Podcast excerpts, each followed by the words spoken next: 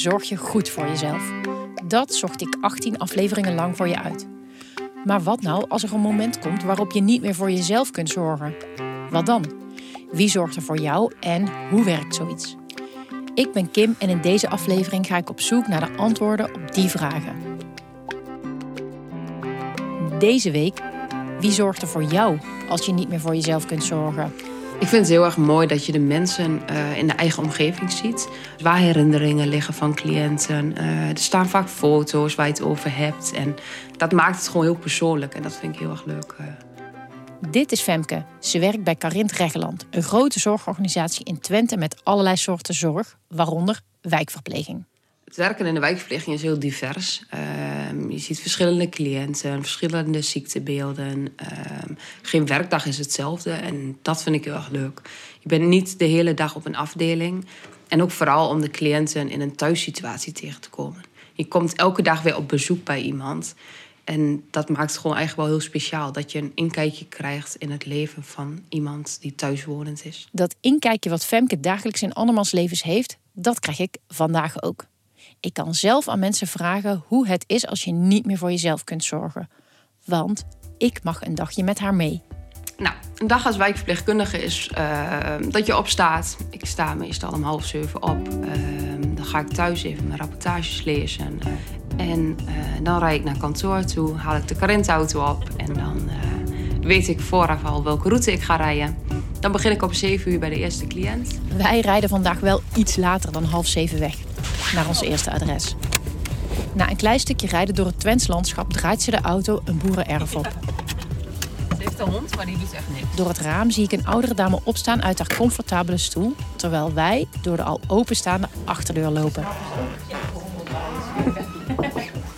Joehoe!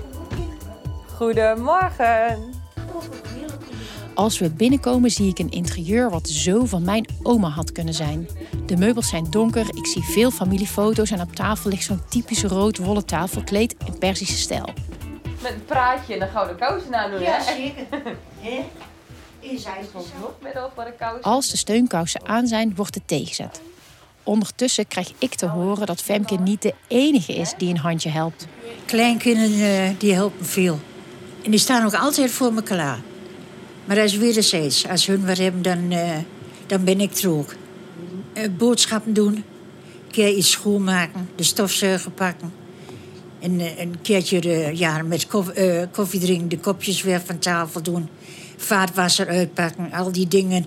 Ja, die nemen ze mee dan eh, uit de hand. Nu ik hier aan de keukentafel een kopje thee krijg en zelf de koekjes van het aanrecht pak, snap ik beter wat Femke me later zal vertellen. Het is vooral, ja, je bent wel een vertrouwenspersoon. Je bent een zorg waar ze ja, moeilijkheden aan kunnen vertellen. eh, waar ze dingen waar ze mee zitten, daar kunnen ze delen. En daar anticiperen wij op. En mocht het iets zijn wat ons werkgebied aangaat, dan doen we daar ook echt iets mee. Terwijl het water kookt, hoor ik uit eerste hand waar de wijkverpleging je dan zowel bij helpt. Als je het niet meer zelf kan. Nou, omdat ik mijn kous niet meer aan kan krijgen. En alleen nog in de, in de douche lukt niet. Op de eerste plaats, eh, dan word ik niet schoon. En dan ook nog bang zijn dat ik val. Dat is, dat is wel het grootste punt waar ik heel slecht loop. Ik vertel Femke dat dit bezoek precies is wat ik me voorstelde bij haar werk. Iemand die hulp krijgt bij het douchen, aankleden en aantrekken van haar steunkousen. Ik vraag Femke of dat beeld wat ik heb klopt. Nou, de wijkverpleging is heel divers. Ehm, we hebben cliënten die eh, steunkousen uit en aan moeten hebben, eh, die medicatie moeten hebben, cliënten die zichzelf niet meer kunnen wassen en aankleden. Eh, we hebben wondzorg, injecties, insuline, katheterzorg. Het is eigenlijk heel erg divers in wat we kunnen bieden. Femke legt uit dat iedereen het liefst zoveel mogelijk voor zichzelf wil kunnen zorgen. Karin Reggeland noemt dit op haar website een waardevol leven. Ook lees ik daar dat dit bijna altijd bereikt wordt met een mix van 1. technologische hulpmiddelen, 2. de hulp van mantelzorgers en tot slot 3. de zorg van wijkverpleging. Deze mix zorgt ervoor dat mensen kunnen blijven leven zoals zij dat zelf willen. Ja, eigen regie is heel erg van belang voor de cliënten vooral. Omdat zij aangeven dat ze toch graag zelfstandig willen blijven en willen zijn. Voor de cliënten is het heel erg van belang omdat ze dan ja, de vrijheid hebben, het leven leven zoals ze altijd geleefd hebben. En door middel van een stukje hulpmiddelen of zorgtechnologie kan het zo blijven zoals het vroeger was. Ze vertelt me dat er zoiets bestaat als een medicijndispenser, een druppelbril, hulpmiddelen voor het aantrekken van steunkousen en bijvoorbeeld ook alarmeringsapparatuur. Toch kan je het dan nog niet altijd helemaal zelf. Femke vertelt me dat het vaak familieleden zijn die hulp Ja, inschakelen. we maken wel echt van alles mee. Lief en leed. De volgende dame waar we naartoe gaan is zo iemand, waarbij de kennissen en kinderen te hulp schieten en zorg inschakelen als het even niet zo goed gaat.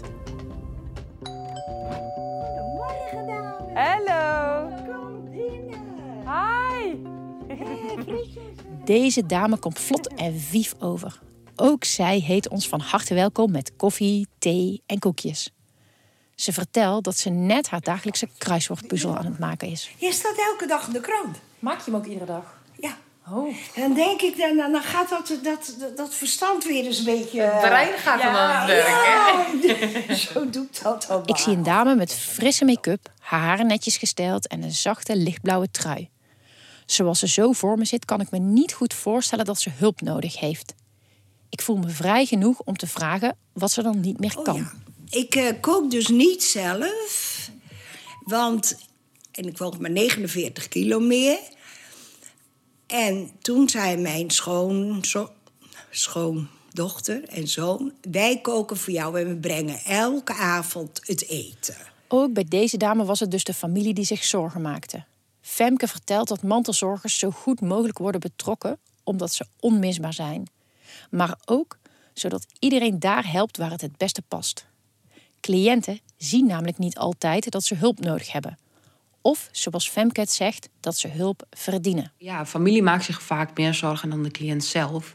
En dan gaan we daarover in gesprek. Want het is vooral erg, wel heel erg lastig als de cliënt, als je ziet dat ze het echt nodig hebben en ook echt verdienen om die thuiszorg te krijgen, omdat ze het zelfstandig gewoon niet redden. Deze dame neemt gelukkig wel hulp aan.